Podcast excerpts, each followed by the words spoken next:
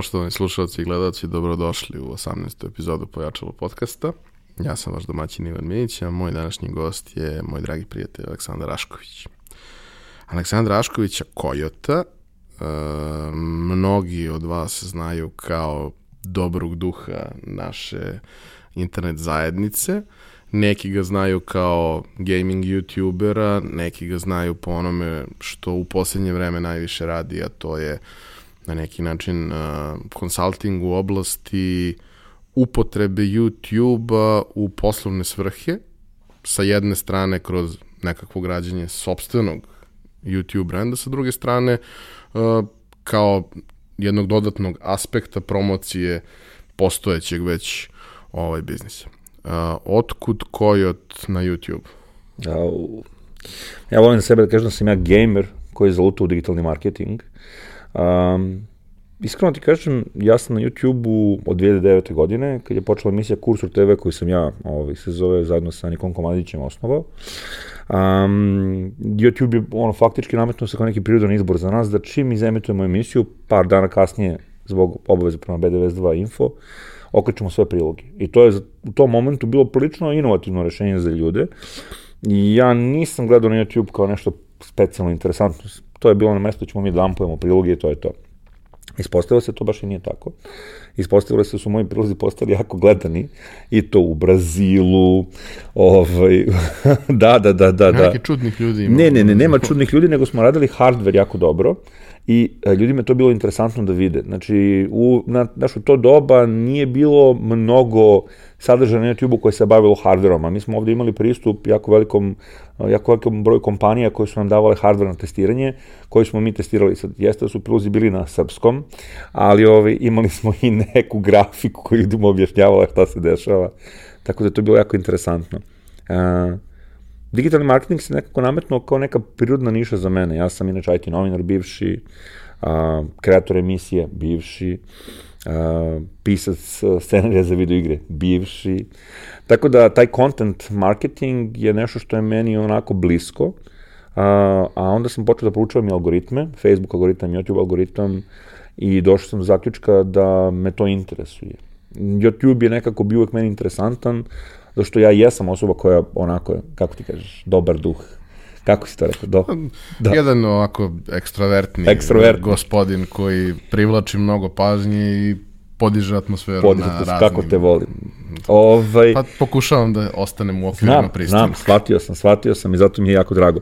Da, YouTube je bio interesantan. Za YouTube je najveći krivac, Dušan, Dušan ovaj, se zove PCX, Um, nešto sam pričao sa njime, bio 2015. godine. Ja sam inače pokušao 2012. s YouTube-om nešto, znači lično, privatno da radim. Nažalost, odustao sam. Kažem, nažalost, jer da sam nastavio, vratno bih imao mnogo jači kanal, ono kao u ovom momentu. 2015. sam počeo da streamujem tenkove i već tada sam počeo da se zanimam za algoritam, kako funkcioniše, čisto zbog sebe. Ja sam shvatio da smo, ja i moja devojka, ja sam Kamarko, da znamo jako puno o YouTube-u, zašto se bavimo YouTube-om, ona imala kanale koji se bave dečim sadržajem i shvatili smo da bi bilo ok da nekom drugome pomognemo da se snađe na tom YouTube-u, ili je YouTube džungla, ja to volim da kažem, zbog toga što je užasno veliki. Znači, sad se spremam za neko predavanje, pa mi je puno glava nekih brojki, ako mogu da smorim ljude. Recimo, 70% sadržaja na YouTube-u se konzumira preko mobilnog telefona. I to je nešto što relativno mali broj ljudi koji se bavi, ovaj, se zove kreativnim video za YouTube, svata. Oni prave video klipove na velikim ekranima, montiraju na velikim ekranima, gledaju na velikim ekranima, niko od njih ne gleda te, ovaj se zove, klipove na mobilnom telefonu, a trebalo bi. Um, znači, recimo T-Series koji je u trenutku bio naj, najveći kanal na svetu, to je onaj kanal iz Indije koji se bavi bolivijskim filmovima, on generiše 2.8 milijardi pregleda mesečno. Znači 8 milijardi, 2.8 milijardi pregleda. Recimo, to je samo da shvatite perspektivu koliko je YouTube veliki recimo u Indiji. A, ono što je meni jako, jako interesantno, 400 sati materijala se uploaduje svakog minuta. I u, to je najveći problem cele priče. Količina sadržaja koja se trenutno nalazi na YouTube-u je toliko velika da niko ne može da odgleda pa da ima 10 života. Ma kakvi 10 života? Miliona života. Jer svi non stop uploaduju neki sadržaj. Zadatak algoritma YouTube algoritma je da taj sadržaj razvrsta i servira ljudima koje to najviše interesuje. Zato što je algoritam optimizovan tako da te zadrži, zadrži što duže na platformi. Zašto? Da bi ti se vidio što više reklama.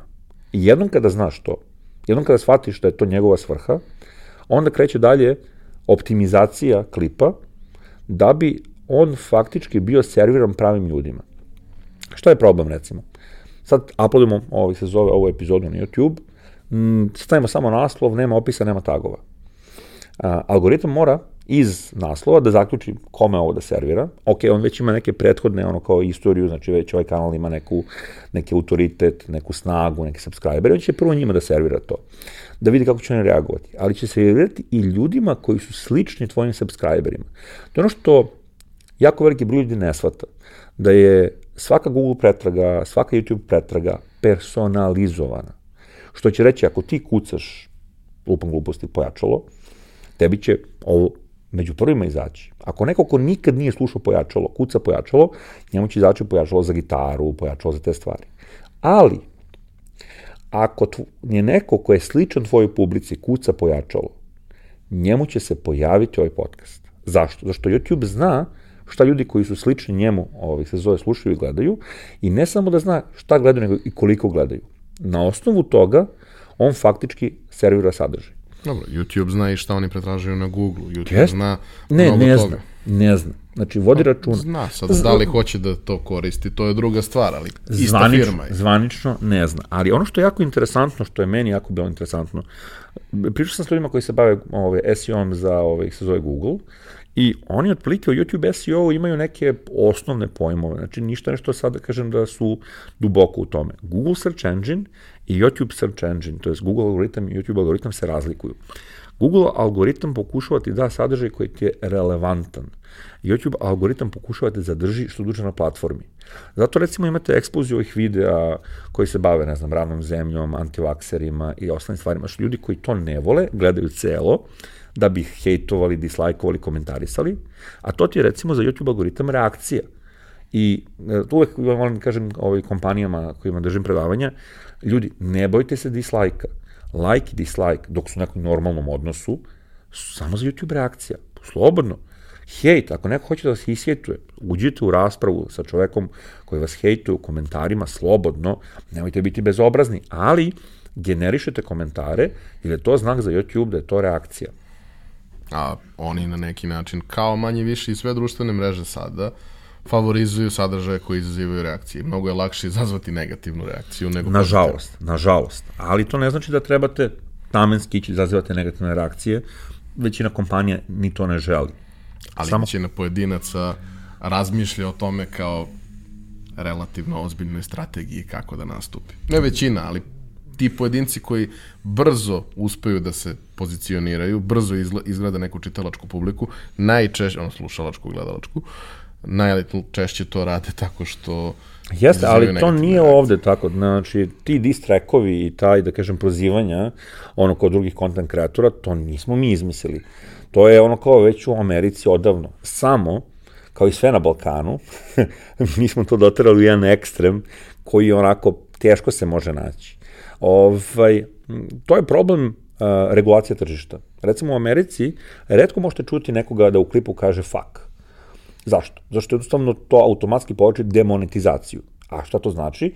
Znači da na tom klipu ili neće biti reklama ili će biti smanjen broj reklama.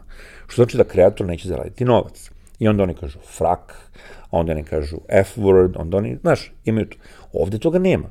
Ovde nema, ovde, ne znam sad koliko je uputno reći, Ovde smo imali video gde je čovek uh, konzumirao izmet od jelena zbog toga što je mislio da se tako probiti.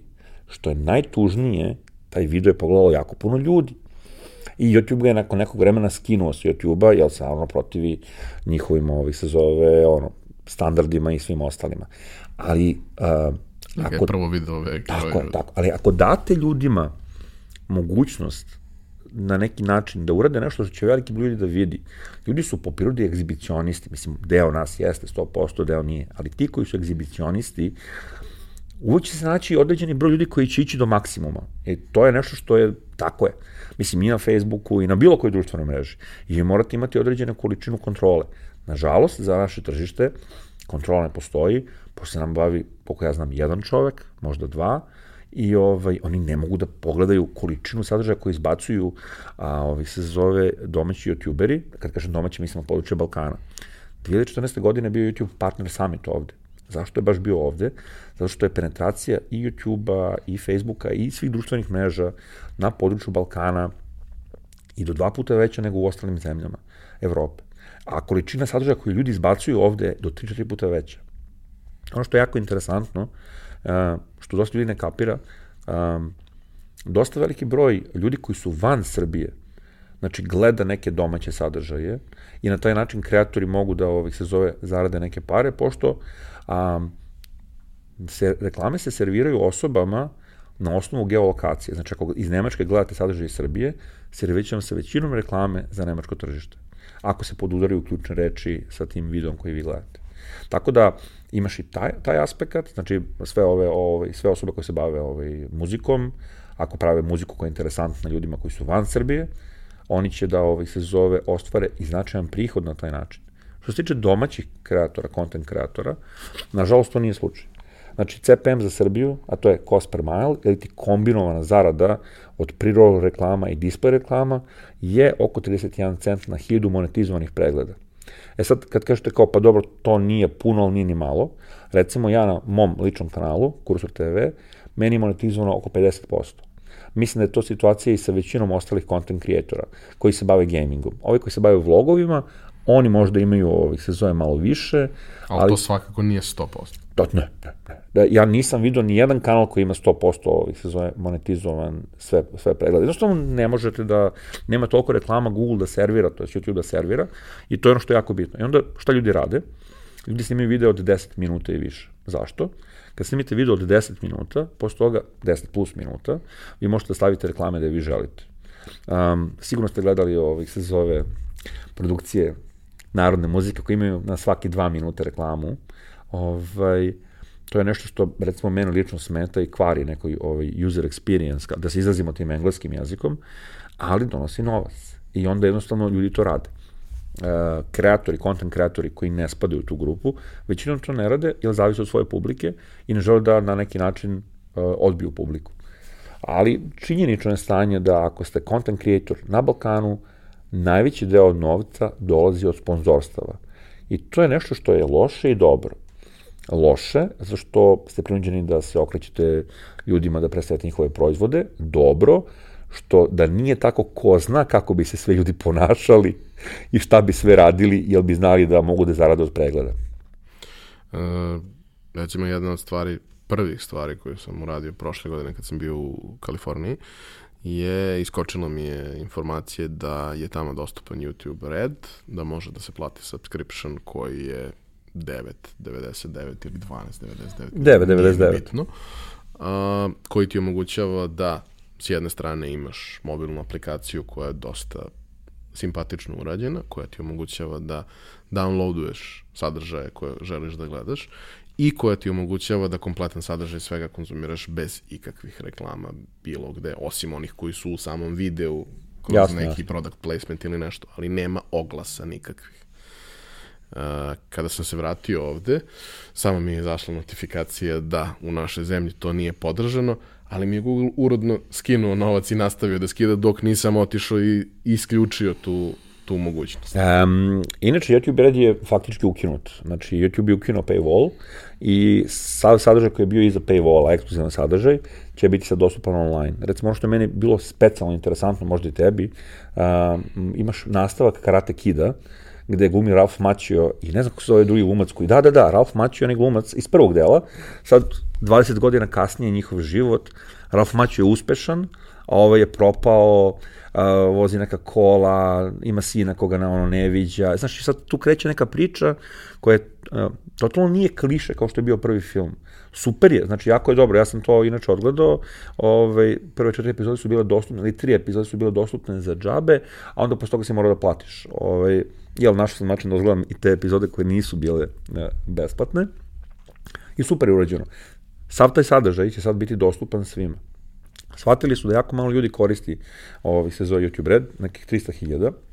Shvatili su da imaju jako dobar sadržaj koji niko ne konzumira i skapirali su da im je mnogo bolje da ga daju dostupno za svima i da će više zaraditi novca na taj način i na neki način ono kao i probiti svoju ovaj kako da kažem uslugu nego da ono kao imaju paywall. Znači ukinuli su paywall skroz naskroz.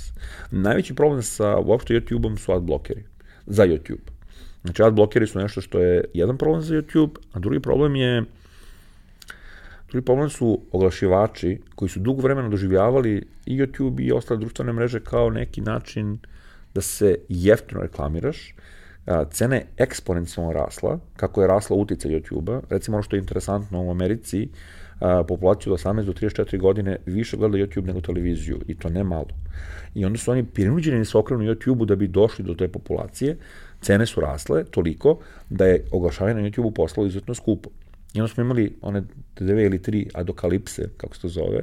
Um, prva je bila kad je Jake, uh, kad je Jake Logan, ne, Paul Logan, kad je Paul Logan snimio samoubicu u šumi, ovaj, se zove snimio čoveka kako faktički visi na drvetu, čak se i smejao, neki kažu da je ono taj smeh bio zbog toga što je čovjek bio šokiran, neki kažu da nije. Taj video je prošao manuelnu ono kao review i imao je na sebi reklame i nakon toga su veliki broj kompanije su povukle reklame, YouTube izgubio 750 miliona dolara. U mesecu, uveli su nove, nova pravila za monetizaciju, nova pravila ponašanja, uveli su gomilu novih varijanti, pa je onda opet se desilo pre nekih, recimo, mesec dana, gospodin je otkrio zaveru um, osobe koje pedofili, oni su ovih se zove gledali videoklipove gde se nalaze maloletne osobe koje vežbaju, koje igraju, koje ne znam, ono, prilično nevine videoklipove, ali su u komentarima ostavili timestampove kada se vidi neki moment koji njima, nažalost, može biti interesantan.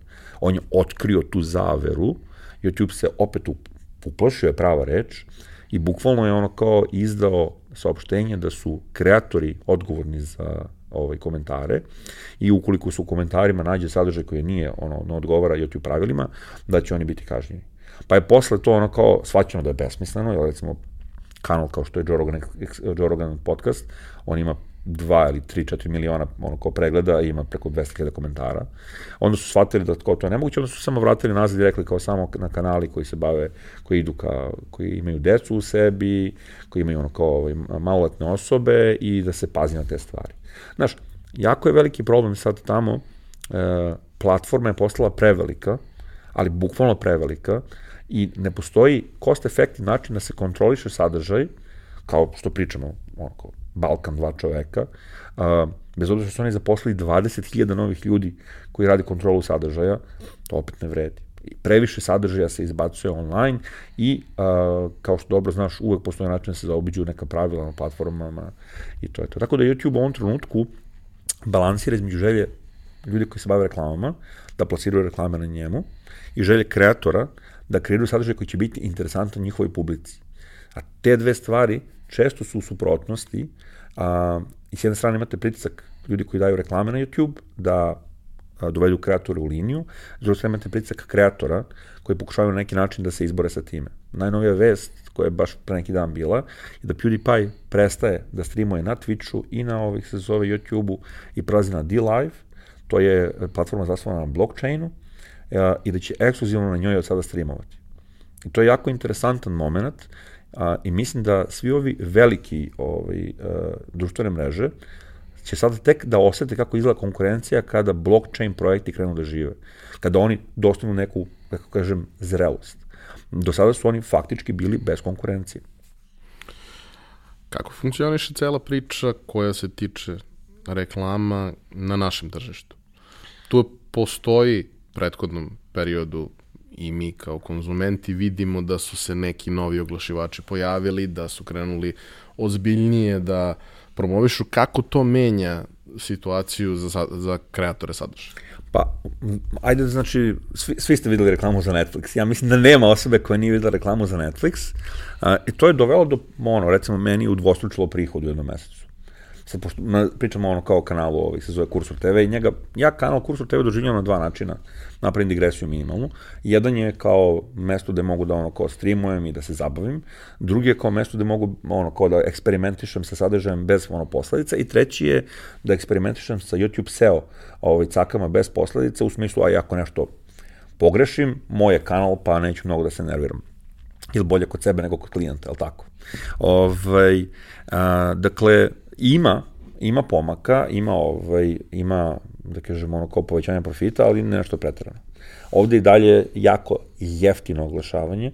A, ono što kompanije ne razumiju, kako da se oglašavaju kroz te priro reklame. Znači, većina kompanija uzme neku svoju reklamu koja je za TV, baci na YouTube, stavi na svoj kanal i to je to. Generiše veliku količinu pregleda, nikakve reakcije, nikakve komentare, nikakav call to action. Uh, YouTube inače ima ono, bukvalno, ja mislim, jedno 200-300 case studija koji su dostupni svima, da neko ko se bavi time pogleda recimo kompanija koja je targetovala high, high uh, korisnika koji troše malo više novca, im je servirala reklamu gde ono otkucava, ovaj, se zove sekundare, kao evo imate, ne znam, ovo košta 500 dolara, ali ako kliknete na link, dobit ćete ga za 300. I to stvarno tako funkcioniše, kliknete na link, dobijete za 300, a ako posle ne dođete, on je dalje 500 dolara.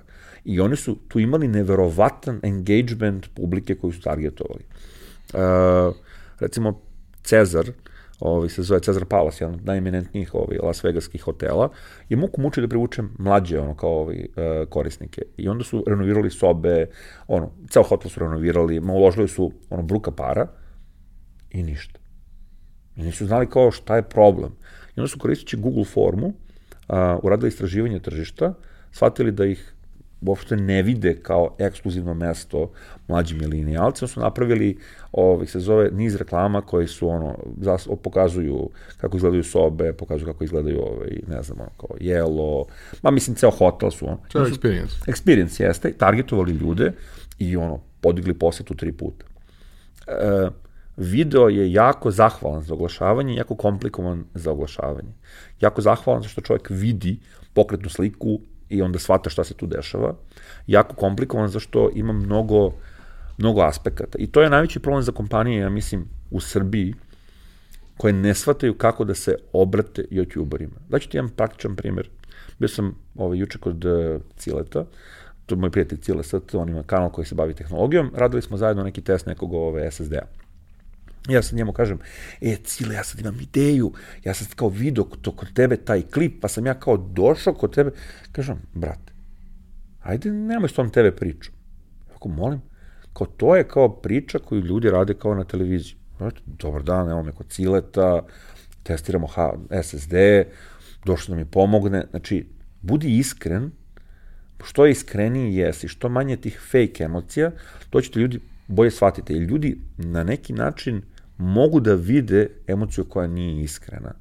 Razumeš, znači, prvo ja ne mogu da glumim tako dobro, drugo i da glumim, ono kao neće biti isti efekt kao kad sam sasvim svoj. Kad pravite neke stvari za YouTube, gledajte da unutra bude doza iskrenosti. Sad, to je jako glupo, kao sad, kao, pa šta, kako da budem iskren, kao šta, šta da. Meni se jako sviđaju, recimo, reklame koje vi pravio, one su kratke, jednostavne, ali prenose tačno tu, ovaj, se zove energiju. Um, nova telena reklama, isto jako lepo prošla, ona je napravljena baš za te millennials, daje taj moment, ono kao opušteni smo, ono, šetamo bez ograničenja i tako to. Ili gledajte da dajete neku vrednost u reklami. Znači, jednostavno, evo, ovo je to, mi nudimo to, dobit ćete ovo. Ja volim da kažem, ljudi dolaze na YouTube iz dva razloga. To je tri, ali dva su primarna. Jedni da se zabave i drugi da nešto nauče. Ako možete na neki način da jednu ili drugu potrebu zadovoljite, vaš video će biti gledan, imaćete reakcije. Uh, šta se dešava sa ljudima koji već imaju veliku količinu nekakvog sadržaja koji se prirodno proizvodi? Da li je u pitanju uh, Mislim, imamo dosta primjera raznih i TV produkcije, slično, koje imaju neke interesantne emisije, koje nakon emitovanja završavaju na YouTube-u ili e, produkcija koji proizvodi po prirodi stvari neki sadržaj, pa kad već proizvode to, imaju mogućnost da proizvedu još nešto kao dodatak tome i da to plasiraju. Uh, neki od takvih sadržaja jesu veoma gledani, neki su postali gledani vremenom tako što su izgradili publiku, mislim, kao državni, državni, posao. državni posao, mislim, ja mislim da niko Dnevnjak. od nas nikad nije gledao na u RTV. prirodnom terminu na, na RTV-u, ali smo ga godinama gledali svi na, na, na YouTube-u. Dnevnjak, ok, koji je kao isto uh, derivat Tarzanije i cele Prvi te priče. servis. Prvi servis, ok. Uh, Kesić, Ivan Ivanović, gomila toga. Uh, I opet je na neki način fascinantno kad vidiš gomilu tog nekog sjajnog sadržaja, evo ja konkretno vrlo malo toga zapravo sada gledam, ali redovno gledam pljiž, jer su mi oni potpuno fantastični. Uh, I ti vidiš da, ok, to ima neku vidljivost, apsolutno ima neku vidljivost i trakciju, ali takav sadržaj sa s kvalitetom, formatom i svim ostalim veoma zahtevan i napredan, jer je pravljen pre svega za televiziju i dalje ima neuporedivo manje pregleda i reakcija nego što ima sadržaj koji prave neki mladi ljudi za koje do pre par meseci nisam znao, a u industriji sam ne bi trebalo da ne znam baš ništa o njima. Ovo je odgovor na ovo pitanje, ima faktički tri odgovora. Ajde da počnemo od prvog i onog najbitnijeg, znači populacija koja te gleda. Znači, e, najmlađi e, konzumenti, znači klinci 7, 8, 9, 10, 15 godina, oni generalno gledaju, oni idu u školu i iako to ne svatu, imaju jako puno slobodnog vremena i koriste ga tako što konzumiraju taj sadržaj. I oni su i najveći, najviše prisutni na YouTube-u. Znači, najveći broj ljudi na YouTube-u i ono ispod 18 godina. Samim time, sadržaj koji je namenjen njima imaće najveće pre, najviše broj pregleda. Sadržaj koji nije namenjen njima imaće manji broj pregleda. Znači, ne možeš porediti Pliž, koja je ozbiljna satirična politička emisija. Ne, ne, ne, ne, ne. Jasno mi je da ti svastan toga, ali za nekog ko nas sluša. Um, I ne možeš porediti nešto, recimo, neki youtuber koji se ono kao pravi kerefeke i ono kao kreviljice za decu do ono kao 10-11 godina, koji će to gledaju 5-6 puta, ali mi je interesantno. Um, drugo, najmlađi konzumenti imaju problem da prepoznaju emociju, da prepoznaju neke stvari kao što je sarkazam, ironija, oni to, jednostavno su mladi, ne razumeju. Ovaj, uh, sve te satirične emisije koje se nabrojio imaju dosta veliku dozu ironije, sarkazma, znači neke stvari koje ljudima nije baš jasno. To je druga stvar. Treća stvar je YouTube SEO. Veliki broj ljudi koji se bavi tim emisijama nema vremena da optimizuje te emisije za Ili algoritam. ni ne razume da postoji potreba. Ili ne razume da postoji potreba. Recimo i Kesić, ovih se zove i Pljiž, i Dnevnjak, oni svi imaju iste tagove, imaju ovih se zove nepostojeće opise, imaju ono kao ovaj, naslove koji se vratno malo razlikuju, a, nisu prilagođeni ono algoritmu, o tome ću malo kasnije više govoriti. Ne pomažu YouTube da im Apsolutno, pomogne. Apsolutno ne pomaže YouTube da im pomogne, a, a na neki način, nemojte me shvatiti bukvalno, a on to shvata kao spam, on shvata kao niz videa koji su slični ili isti i onda ono kao samo ljudima koji su i subscribe-ovani, koji redno gledaju to, on će da to ovih se zove servira. Ne postoji mogućnost, znači ti ako odgledaš recimo celog Kesića jedan put, YouTube algoritam će kaže, aha, veliki watch time je generisao ovaj video, ovaj gospodin je to gledao celo, ponudit ću mu i sledeći put. Ali neće ponuditi svaki put. Zašto on misli da to isti video? Razumeš? Ponudit će svaki treći put, svaki peti put. Ako ti svaki put gledaš Kesića, svaki put, svake nedelje ideš na kanal, on će reći, aha, ovaj čovjek voli Kesića, ja ću njemu da ga serviram često.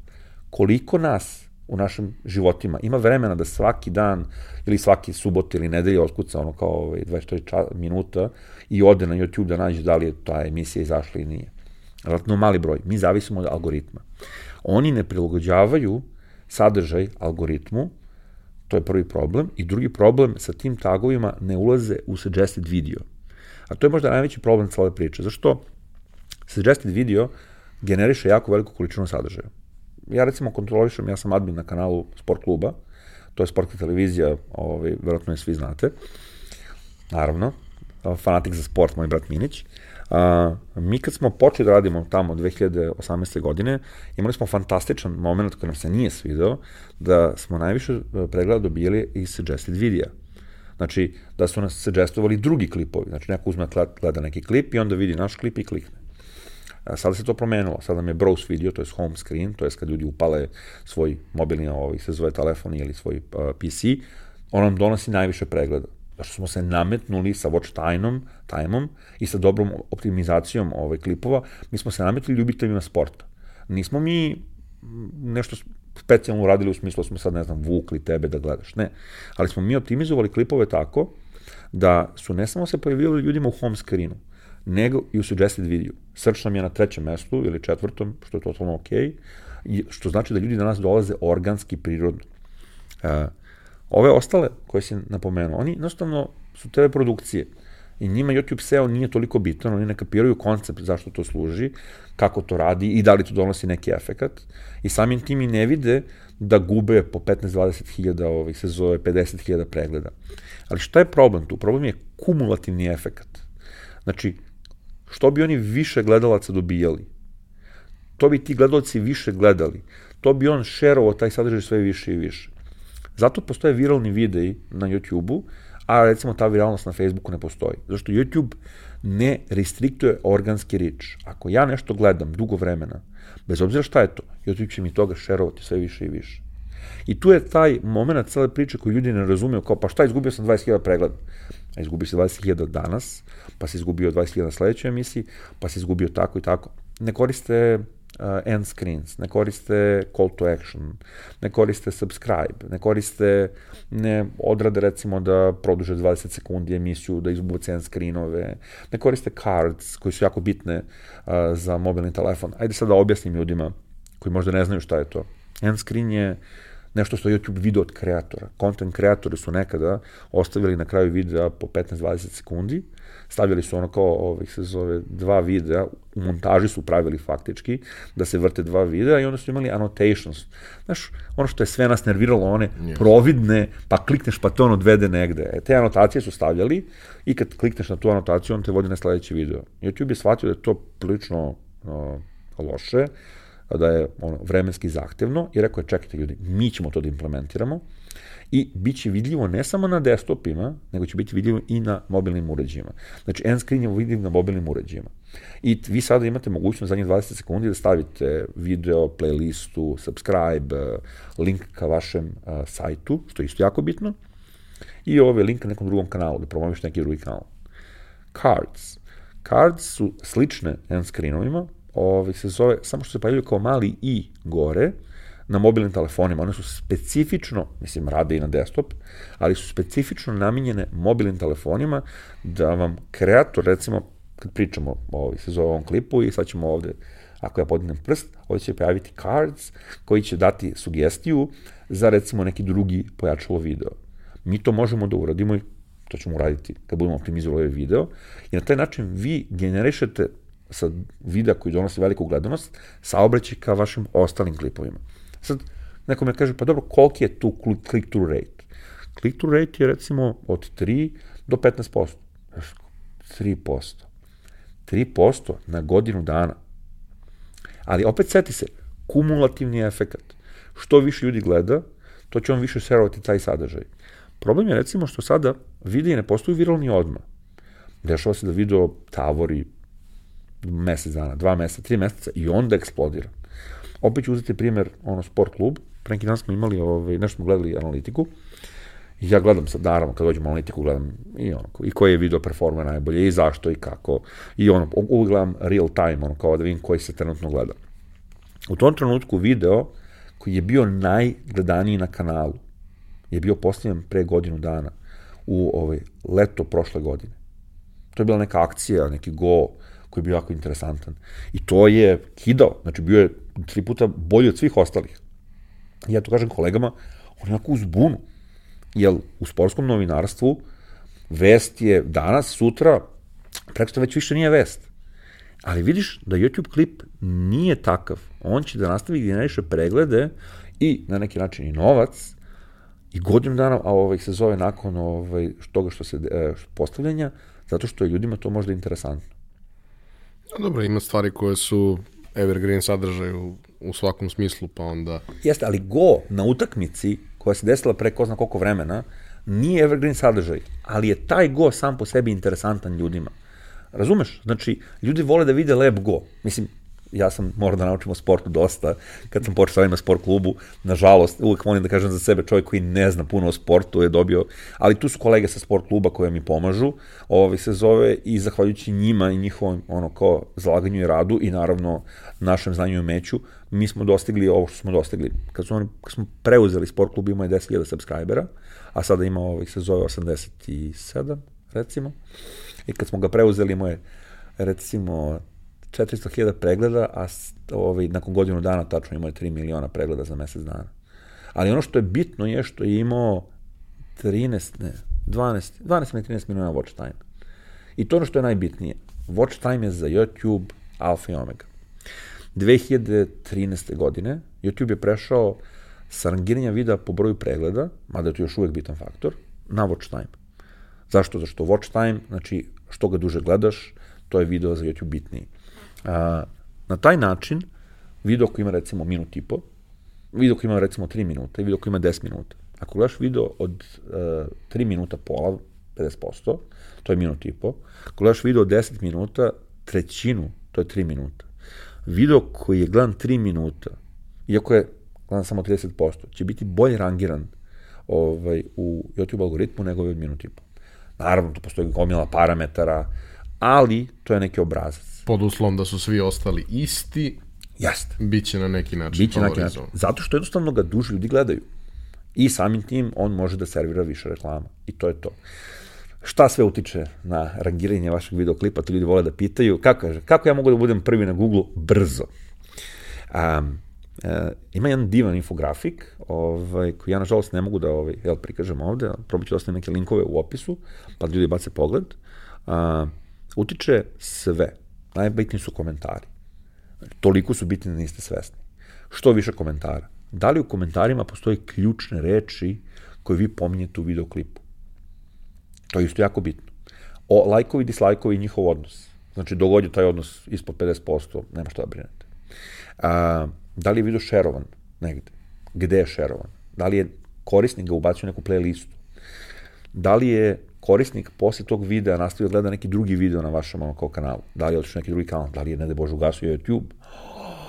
Smrtni greh. Onda, idemo dalje. YouTube SEO, kako je optimizovan? E, na, da li ima naslov, tagove, opis, da li ima ključne reči, ovih se zove u naslov, tagu, opisima, na, da, li je, ovaj, da li je HD, da li nije HD. Onda idemo na kanal, kad je osnovan kanal, koliko ima pregleda, um, koliko ima ovih se zove videoklipova, koliko često uploadujete. To svi koji se bave YouTube-om znaju da što češće uploadujete, da vas YouTube sve više, više guru u pretragama. I taj channel authority isto jako je bitan.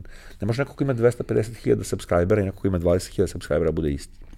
Ali, ono što je jako bitno, broj subscribera lagano prestaje da bude nešto što je jako bitno za YouTube. Ljudi koji na desktopu gledaju, kao što sam ja recimo ovaj, eh, eh, videoklipove, primeću da im se sugeriše recimo kao ljudi koji su, ovako sugerišem se neki nizi, kao ljudi koji su gledali to i to, gledali su i ove klipove. Iako ja nisam subscriber na te kanale, ali vraćamo se na onu priču personalizovana pretraga, personalizovan izbor videa. Um, za potrebe posla sam istraživao kako radi taj YouTube algoritam, pošto ja smatram da on nije pretarano pametan, jer mi često servira klipove koje sam već odgledao, ali sam ih odgledao cele, on je u fazonu, e, e, ovo si gledao celo, ajde opet gledaj, ajde opet gledaj. Ja sam u fazonu, ne, brate, pusti me. Iako ljudi to rade. Da, da, ljudi to rade. Znači, e, deca to definitivno rade. Deči sadržaj o kome sam malo pre pričao, on je najteži sadržaj da se probijete, zašto nema reakcija. Jel, klinci... I ima mnogo konkurencije. Tako je, tako je. Jel su svi, svi shvatili da tu zarada. Ali ajde da se vratimo na ovaj moment. Znači, taj algoritam kako funkcioniše on počinje sa nekih 250 miliona tokena, da je jedan token, jedan video, i onda ga propušta pokro 7 ili 8 ono kao ovaj filtera, koji su vaše ponašanje, i završava sa nekih 250 recimo tokena, 250 videa, i onda on na osnovu određenih parametara razmišlja koji će da vam servira. Um, ja recimo kad god istražujem neke ključne reči i tako to, radim na inkognito modu, da ne bih faktički moj, ono kao, moje preference zagađivale rezultate. Ali čak i tada, moj inkognito mod i tvoj inkognito mod će se razlikovati zašto tada nije pretraga skroz naskroz lišena nekih parametara, jer ja to radim iz Srbije, razumeš? Pa će mi se ovih se zove preference za ljudi koji su u Srbiji, koji u, u Srbiji gledaju nešto, tako će biti ono kao modifikovano. Kada pričamo o ljudima koji, recimo, konkretno primjer sport kluba, gde si, gde si u priči već, već neko vreme. Dakle, to su ljudi koji e, su imali određenu bazu sadržaja koja tu postoji. To su ljudi koji imaju prava na određene prilično atraktivne sadržaje. ta prava su možda lokalna, ali i publika je lokalna, pa nije bitno. A, postoji mnogo stvari koje ti kao saradnik možeš da uradiš, postoje mnogo stvari koje možeš da naučiš ljude koji će time da se bave, da oni rade. Ali šta je ono što su oni morali da promene u svom pristupu kreiranja tog videa? Odnosno, ne morali da promene, ali šta su neke stvari koje, na kojima ste radili u, u prethodnom periodu da bi ti videoklipovi koji su namenjeni YouTube-u, jer naravno ima i oni koji su namenjeni televiziji pa završeno YouTube-u, prioritet je naravno televizija, šta su te stvari koje, koje ste, eh, na kojima ste radili da bi taj sadržaj bio bolji? Um, pa nismo puno, zašto generalno gledano ljudi koji konzumiraju sadržaj na televiziji, na YouTube-u se konzumiraju isti sadržaj, nešto ih pretrano ne interesuje. A ono što se desilo je long form, duga forma. Znači, um, oni su tada bili ubeđeni da što kraće to bolje. Razumeš? 30 sekundi, 30 sekundi. Uh, mi kad smo došli, mi smo im objasnili, pustite slobodno taj video da traje malo duže. Nije strašno što traje minut i po, dva minuta, tri minuta. Pustite ljudima ako je interesantno gledać. Napravite kompilaciju. Napravite kompilaciju sa ono kao 15-20 ono kao golova. To je isto ono kao interesantno ljudima. Uh, morali smo promeniti i mentalitet. Uh, jako je bitno naslove, uvek kažem naslove je najbitnija stvar za rangiranje. Jako je bilo bitno da im objasnimo kako da pišu naslove, kako da faktički optimizuju naslov i da bude interesantan korisniku i da bude interesantan ovaj, e, e, algoritmu. Ili mora da zadovoljite oba na neki način. Ono što je možda najinteresantnije je podcast. Znači, ja nisam došao, oni jednostavno nisu ni razmišljali o podcastima, u stvari oni jesu razmišljali o podcastima i imali su podcaste, ali su oni bili isključivo u audio formi i bili su kačeni na SoundCloud ili Mixcloud, stvarno ne znam na pamet. I nisu kreirani redovno, planski, nego ad hoc kad se pojavi neka situacija. Yes. Bili su popularni, bili su popularni jer su bili zaista sjajni, ti ljudi jesu sjajni i sagovornici su sjajni, ne, nema tu ali to nije bilo ništa što je rađeno planski na nekom ozbiljnom nivou i nije se, generalno se nije ticalo aktuelnosti, nego se ticalo specifičnih. E, sad da ti objasnim kako sam ja se umešao u tu priču, to je zašto sam se umešao u tu priču. Znači, profesor Vladan Vaković, pozdravljamo ga ovim putem, a, me pitao pre svetskog prvenstva prošle godine na koji način bi mi mogli kroz YouTube da privučemo gledalce, jel počinje svetsko prvenstvo, a RTS ima sva prava za prenos. I smo malo mozgali, njemu kažem, pa podcast je super ideja. Kaže on, ja sam razmišljao o tome, kakav podcast? Rekao, video podcast na YouTube-u. Kaže on, što video podcast na YouTube-u? Rekao, video podcast na YouTube-u, ali sa malim, malim, malim twistom, što bi rekli mladi. Prvih pola sata ćemo da pustimo gledalce postavljaju pitanja, ne samo ćemo da pustimo, nego ćemo im reći. Slobodno postavite pitanja, zadnjih pola sata ćemo odgovarati na pitanja. Šta smo dobili time? Dobili smo time da čovjek koji dođe da pogleda podcast live, a njih je bilo jako puno, ostane do kraja podcasta da vidi odgovor na pitanje. To je prvi aspekt. Dobili smo da ljudi koji dolaze na podcast kasnije da ga gledaju, ostanu do kraja da vide šta su ovi pričali, kako su pitanje odgovarali i sve komplet. Dobili smo neverovatan watch time. Neverovatan watch time. I gomilu reakcije. Imali smo preko 45.000 komentara. Pošto svi komentari u live-u se faktički računaju kao komentari. Znači, gomila ljudi je kucala, kucala, kucala, kucala, znači to, to su nošene po 2, 3, 4, 5 papira koje su izlazili iz štampača. Znači, nisu mogli da se odgovore na sva pitanja. To je nešto što do sada do tada nije rađeno. Većina ljudi koji radi podcast, on ih snimi, kao što ga snimamo mi sada, i onda ga pusti. Ja sam insistirao da bude live, jer sam znao da će upravo ta reakcija publike biti ono što će nas probiti. Vlada je pametno zaključio da bi bilo super da krenemo u 15 do 11 posle RTS svog studija i na taj način, na, na neki način se nastavimo na njih, ali ono što je jako bitno, YouTube je fleksibilan. Kad je Srbija igrala recimo u nekom terminu od 2 ili 1, mi smo odmah posle tog termina organizovali podcast. Isto je bilo i kad je Hrvatska imala tu neku utakmicu. Mi smo odmah posle tog termina organizovali podcast i pokupili smo ozbiljnu količinu ljudi i gledalaca. Ja sam bio iznenađen. Ono što mi je bilo najbolje, ja moram da ispričam ovu anegdotu, znači, moja devojka, koja, jeli, ono, zajedno sa mnom, ovaj, faktički radi ovaj ceo biznis, me zove na telefon, onako totalno oduševljena, tipa treći dan, ono, kako smo počeli podcast, i kaže, ja tebi ne mogu da verujem šta sam onako videla. I onako zbunjeno šta je bilo, pazi, znači, pola 12. Kaže, sad sam prošla pored dva čoveka, idu i na mobilnom telefonu slušaju podcast. E, zašto se to desilo? Svi domaći telekom provajderi su omogućili besplatan internet za YouTube većini ljudi i ljudi sad jednostavno nemaju problem da upali YouTube da slušaju muziku, da slušaju podcaste, da slušaju ono smešne, ono kao ove, da slušaju neke, da slušaju sve živo, nebitno je. I to radi. I to radi. I vi ste dobili publiku koja ranije nije bila tako okrenuta YouTube-u, ove, o, vi ste ih privukli na svoj kanal, oni su subscribe-ovali, konvertovali. Imam još jedan moment koji je jako interesantan za sport klub, koji može biti interesantan uh, medijskim kompanijama. Veliki broj ljudi koji su medijske kompanije su navikli da im je ko, izvor, ko je glavni izvor uh, saobraćaja? Facebook.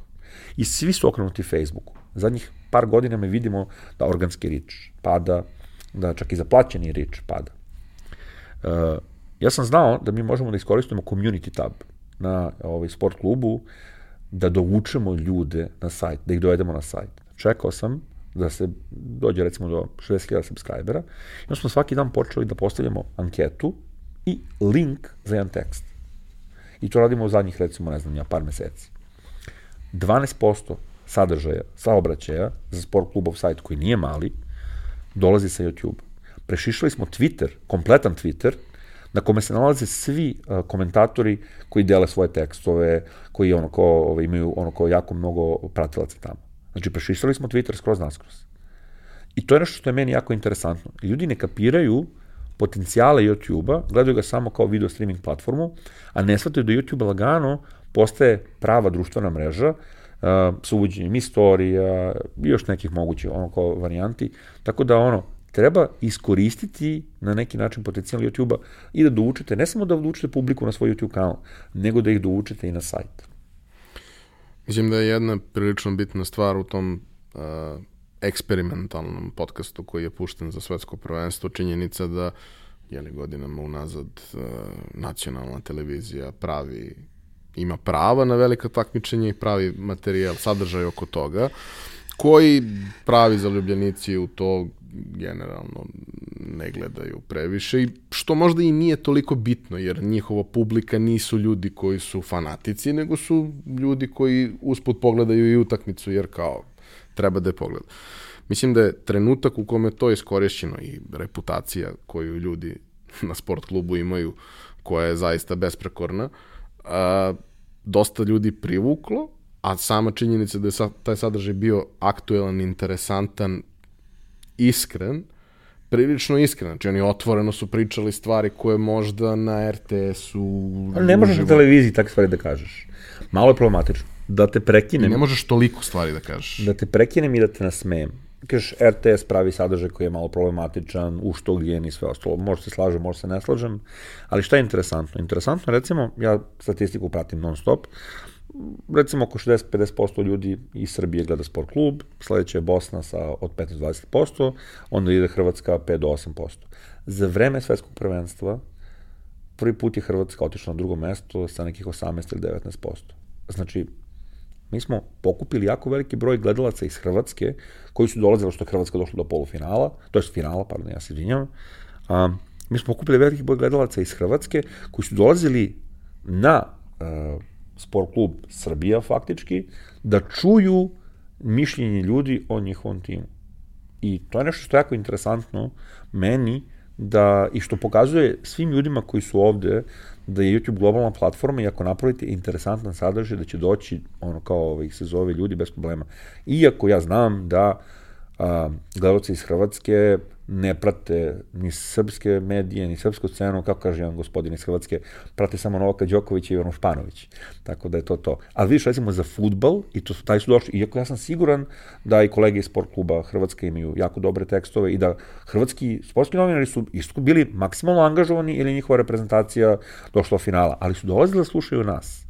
Jako zanimljivo.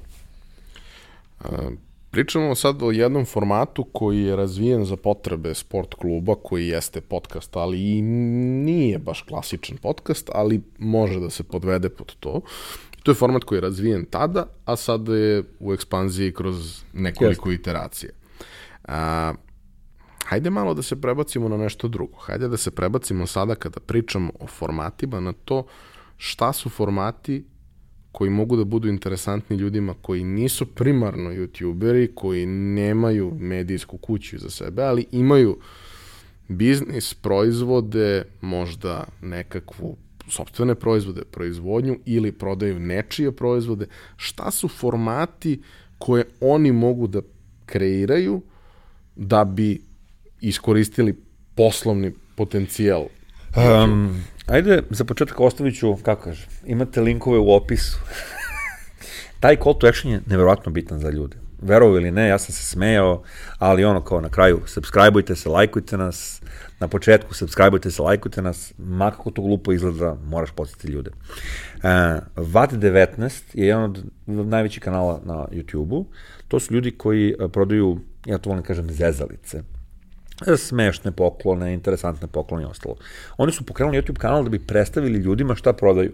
Jel kao, znaš, kao, sad, šta ti prodaješ, kao, slika ne dočarava dovoljno, za to vreme video dočarava. Pošto su bili dovoljno inteligentni i dovoljno ovaj, zabavni, taj kanal je krenuo da raste, oni sad zarađuju ne samo od prodaje svojih proizvoda, nego zarađuju od AdSense-a, pošto su nevjerojatno veliki. I ja mislim da su oni definitivno pravi način ako imate neko koji je duhovit u kompaniji i ako imate proizvode koji su tog tipa. Nemate proizvode tog tipa, što nije nikakav problem. Um, kad smo bili na konferenciji u Boru, uh, držali smo predavanje, izašao jedan gospodin, rekao, kako ja se reklamiram na YouTube-u, moja devojka je pitala, pa dobro, šta radite? Kaže, ja proizvodim noževe. I ja moram priznati da sam ostao zbunjen, onako kao, šta sad da mu kažem? A ja sam kako i stopa je odgovorila, gospodine, sad je trend da se noževi greju na, ne znam, par hiljada stepeni Celzijusa i da seku razne stvari, razne metale, ne znam, lubenicu, vodu, ono, kao čašu punu vode i tako to.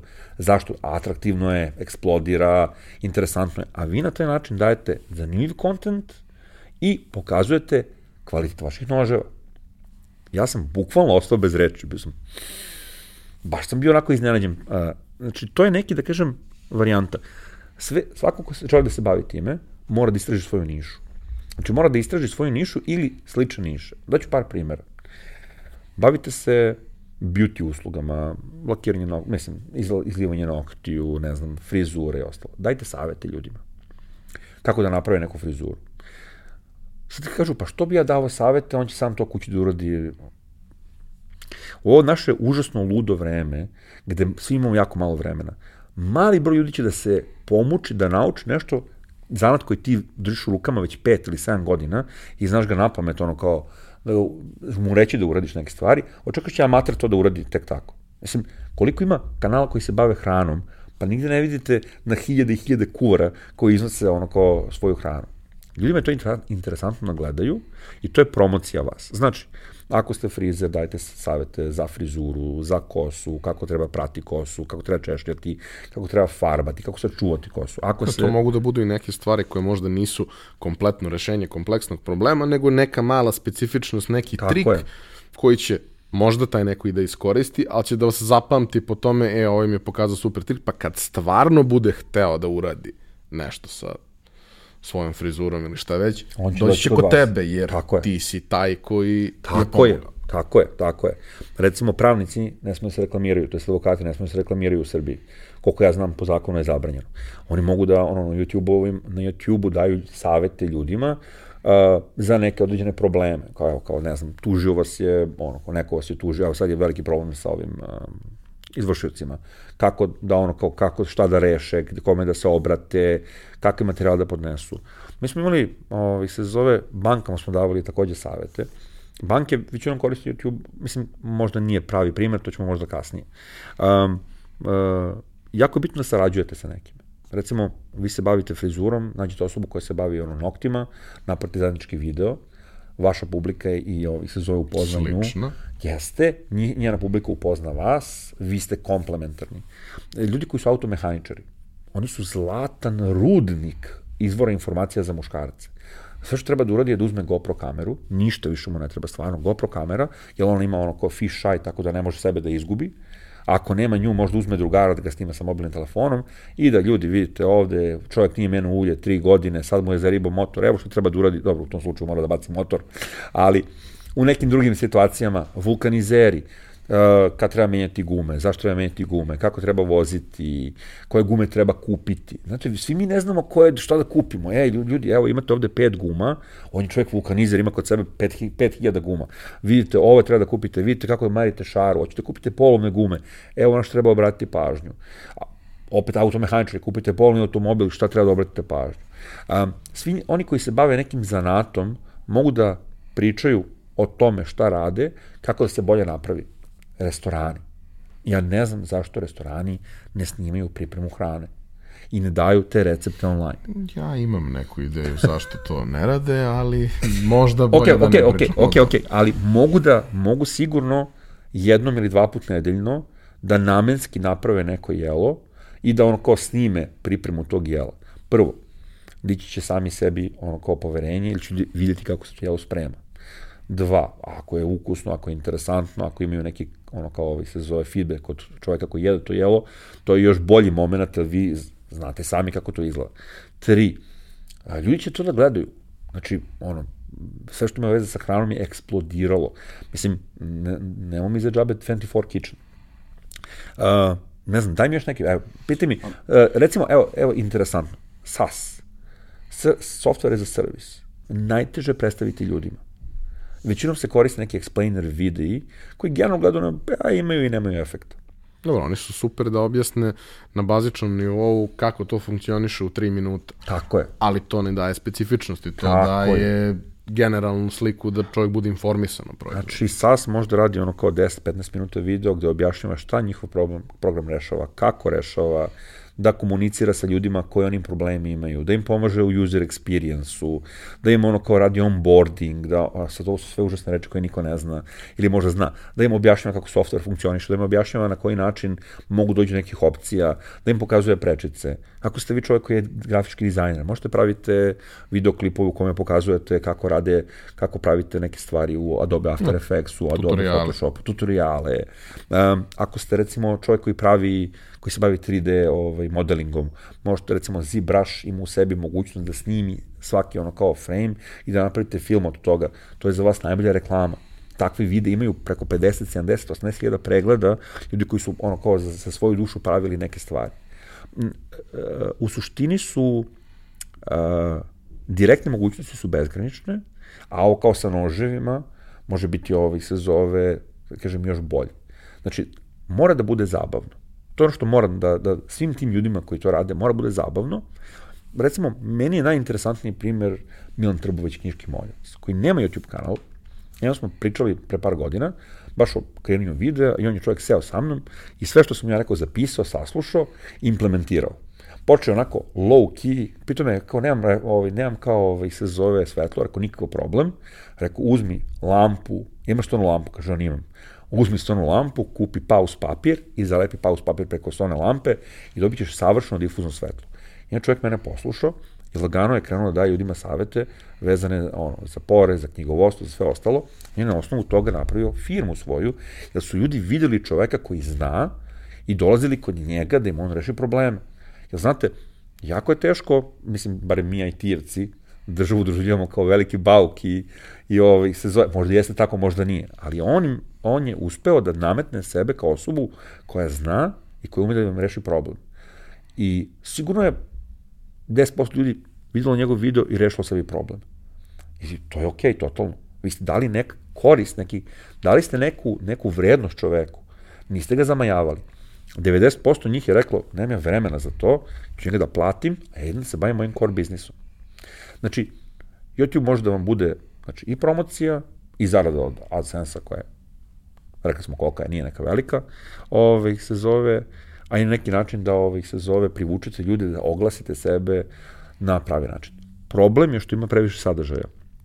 Sada morate dovesti vi publiku.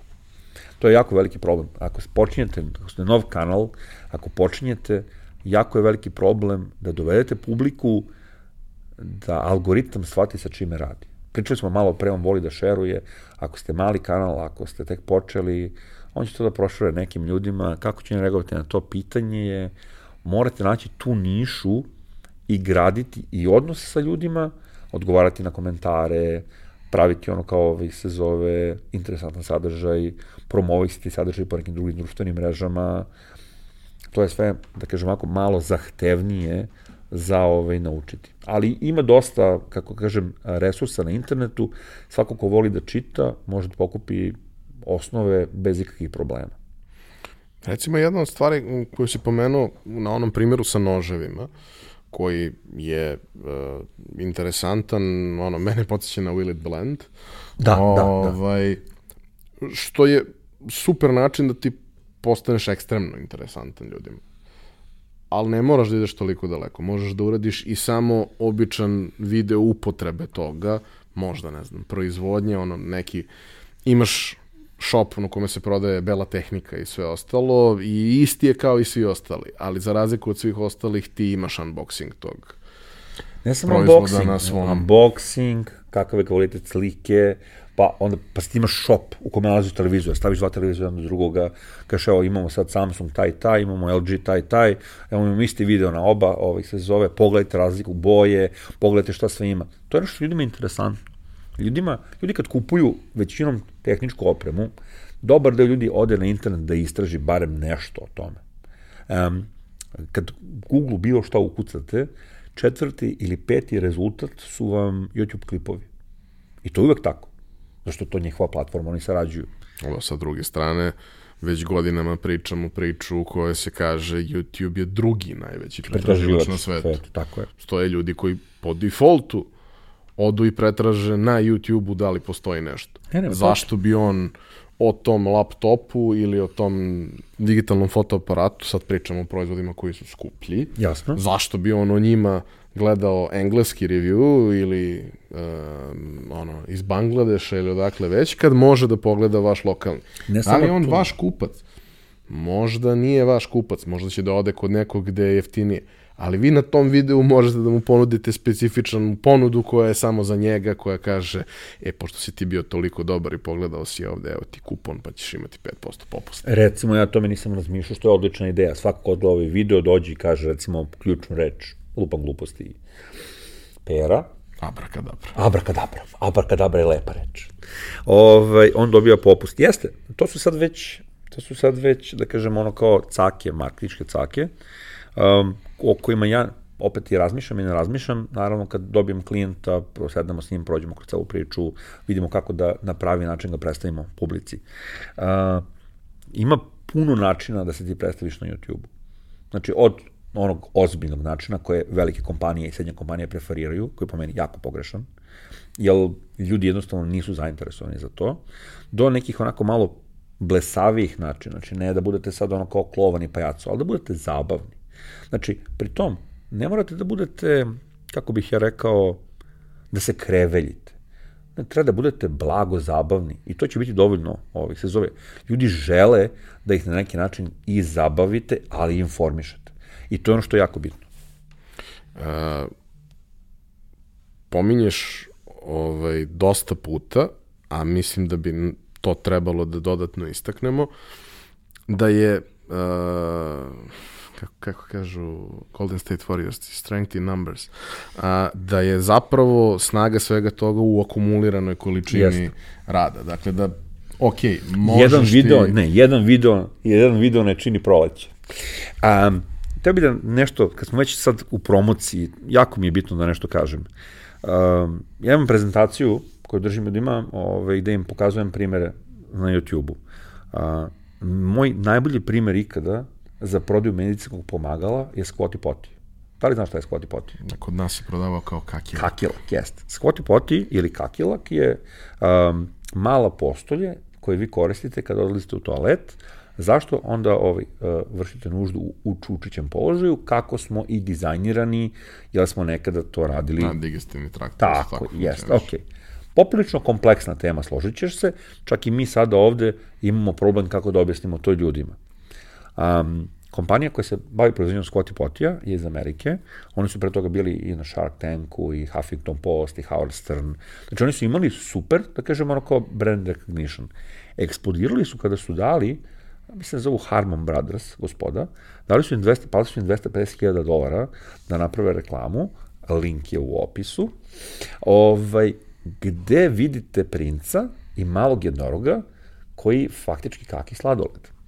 I sad gledate kako to izgleda kad je koristi Squatty Potty, kad ne koristi Squatty Potty, i sad tu ima ceo jedan, ono kao, ceo jedan video od 3 minuta koji je fantastično urađen, u kome se jako dobro prikazuju sve medicinske vrednosti tog pomagala, ali na jedan šaljiv i zabavan način. Taj video ima 30 nešto miliona pregleda, ali to nije bitno.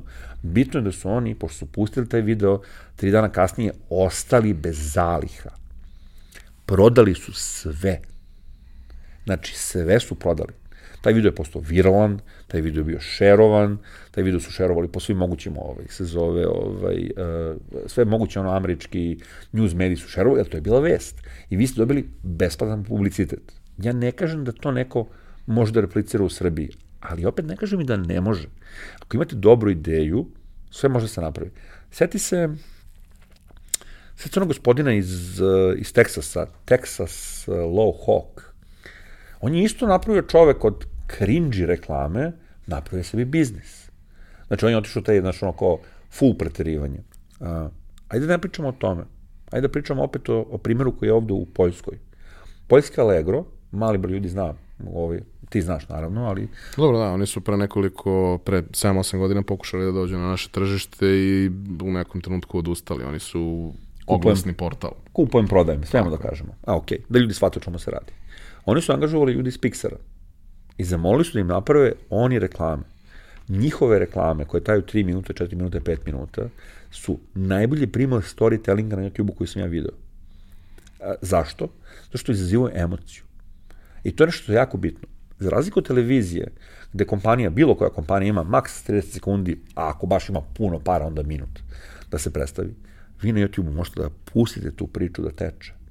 A mi kao biće smo privučeni pričama. Mislim, od, od kad smo pored vatre sedeli u kamenom dobu i prepričavali priče, pa do danas, to je nešto što je nama jako interesantno. 2013. godine Davi imao kampanju uh, Beautiful Inside ili tako nešto, ne mogu sedeti kako se zove tačno, gde super je kampanja bila, gde dođe ono kao gospo, gospođa, a, preko puta nje sedi čovjek koji je ne vidi, koji je profesionalni crtač a, u policiji San Francisco, ona mu govori kako izgleda, on je nacrta i onda uđe druga osoba koja je bila u čekavnici s njom i onda je crtač zamoli da mu opiše tu osobu koja je ovih se zove videla. I onda pozovu ovu prvu osobu da dođe da vidi crtež koja je ona pričala kako izgleda i crtež koja je druga osoba pričala kako izgleda. U 99, u 100% situacija osoba koja je nju videla je lepše opisala nego ona samu sebe. Ta kampanja je na Kanskom festivalu pokupila 13 nagrada. Glavni generator su bile YouTube reklame, jer one mogu da traju 3, 5, 7, oni su imali reklamu od 3 minuta, od 5 minuta i od 8 minuta i sve su bile prilagođene YouTube-u 2013. godine. Ta kampanja je raznela. Zašto je raznela? Izvala je emociju i prenala je poruku lepi ste iznutra, ne treba naši ono kao proizvodi, lepi ste iznutra, ali to je dov To je da, ili dav, kako se već izgovara, ja ne koristim puno kremu, treba bi. To je nešto što je meni uh, najbolji moment. Kompanije u Srbiji koje hoće da se reklamiraju na YouTube-u treba da razmisle kako da ili zove emociju ili da zabave ljude. To je za neke ove kompanije Ili da daju informaciju, vidi. I ne, to ne, je okej, okay, i to je super da se od toga počne. Ne možeš stalno biti zabavan, ali možeš stalno da daješ informaciju, pa kad ti padne ideja da budeš zabavan, budeš. Šta sam teo da ti kažem? Recimo, banke su praktičan primer toga. Bankama jako teško da budu zabavne. Mislim, banke su jako velike, kompleksne, korporativne struktura i mislim da ono kao kad se ideja rodi, dok ono kroz nju prođe 15 instanci, to više nije dobra ideja. Ali, tu si u pravu, informacija. Veliki broj ljudi koji hoće da nađe neki, da uzme neki kredit, nemaju puno vremena da čitaju. Napraviš ono kao bukvalno explainer film koji traje ono kao ne znam ja, kratka animacijica koja traje lupam gluposti 3 minuta, titluješ dole, pošto već ljudi to gledaju u autobusu, dobro imati titl na videu, da što ne moraš da slušaš ako nemaš slušalice. I lagano prođeš kroz sve korake šta treba da uradiš, šta ti treba od papira, gde treba da se prijaviš. Koliko to traje. Koliko to traje. Koliko to košta. Tako je. Sve te informacije su jako bitne. Šta uradiš? To se opet kaže onboarding ili ti pripremiš korisnika da kad dođe u tvoju ovaj, filijalu ne gubi vreme tvom službeniku. Zagreješ. Zagreješ ga za ražanj. Pa okej, okay, mislim... Ali e, to je ono što je meni interesantno. Drugi, drugi moment koji mi je mnogo bitniji. Video kao eduka, edukacioni on aspekt. Svaka kompanija koja je malo veća ima ono kao protok ljudi. Sad kad dođe novi čovek, vi mora da ga obučite. Ko će ga obučiti? Obući ga radnik koji već postoji. On ne može da radi svoj posao da obučava novog čoveka.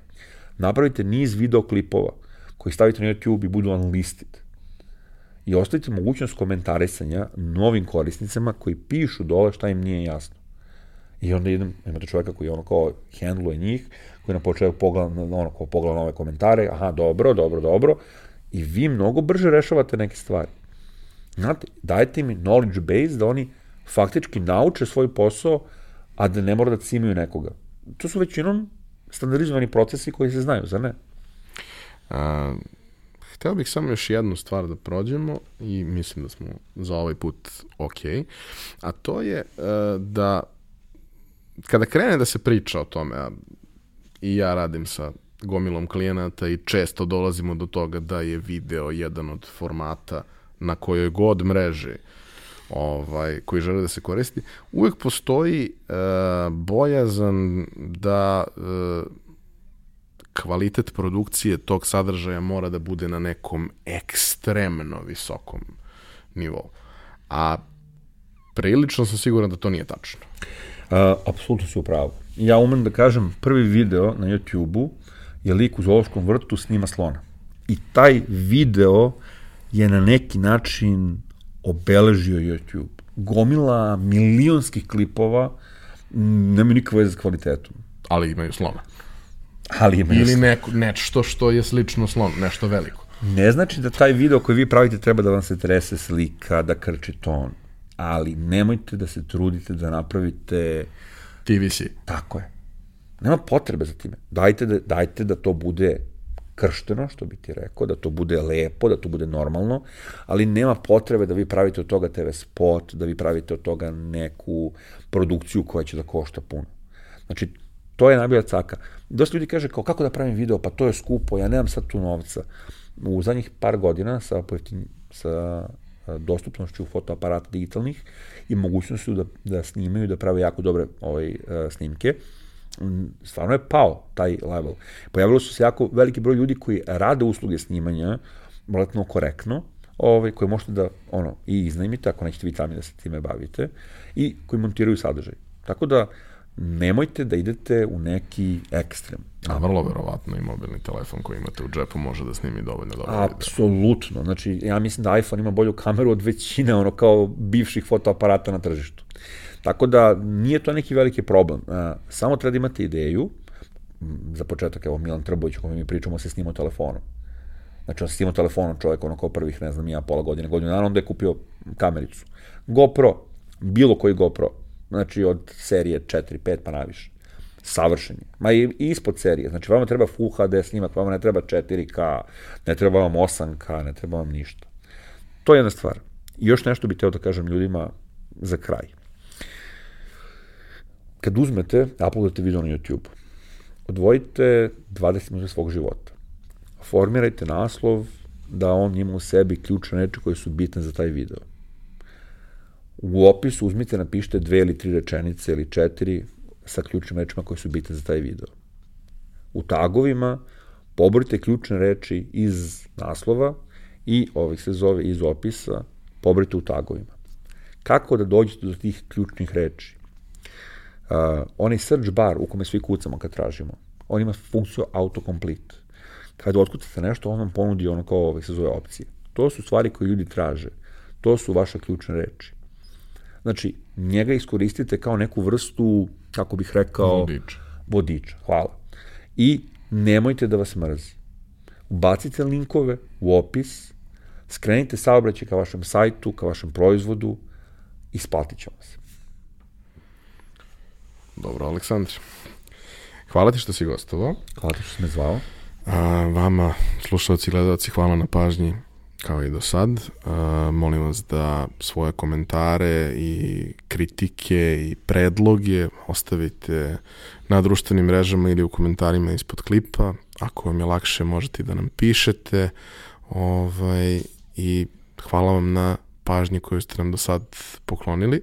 Mi ćemo se truditi da i u narednom periodu imamo neke zanimljive gosti i neke zanimljive teme.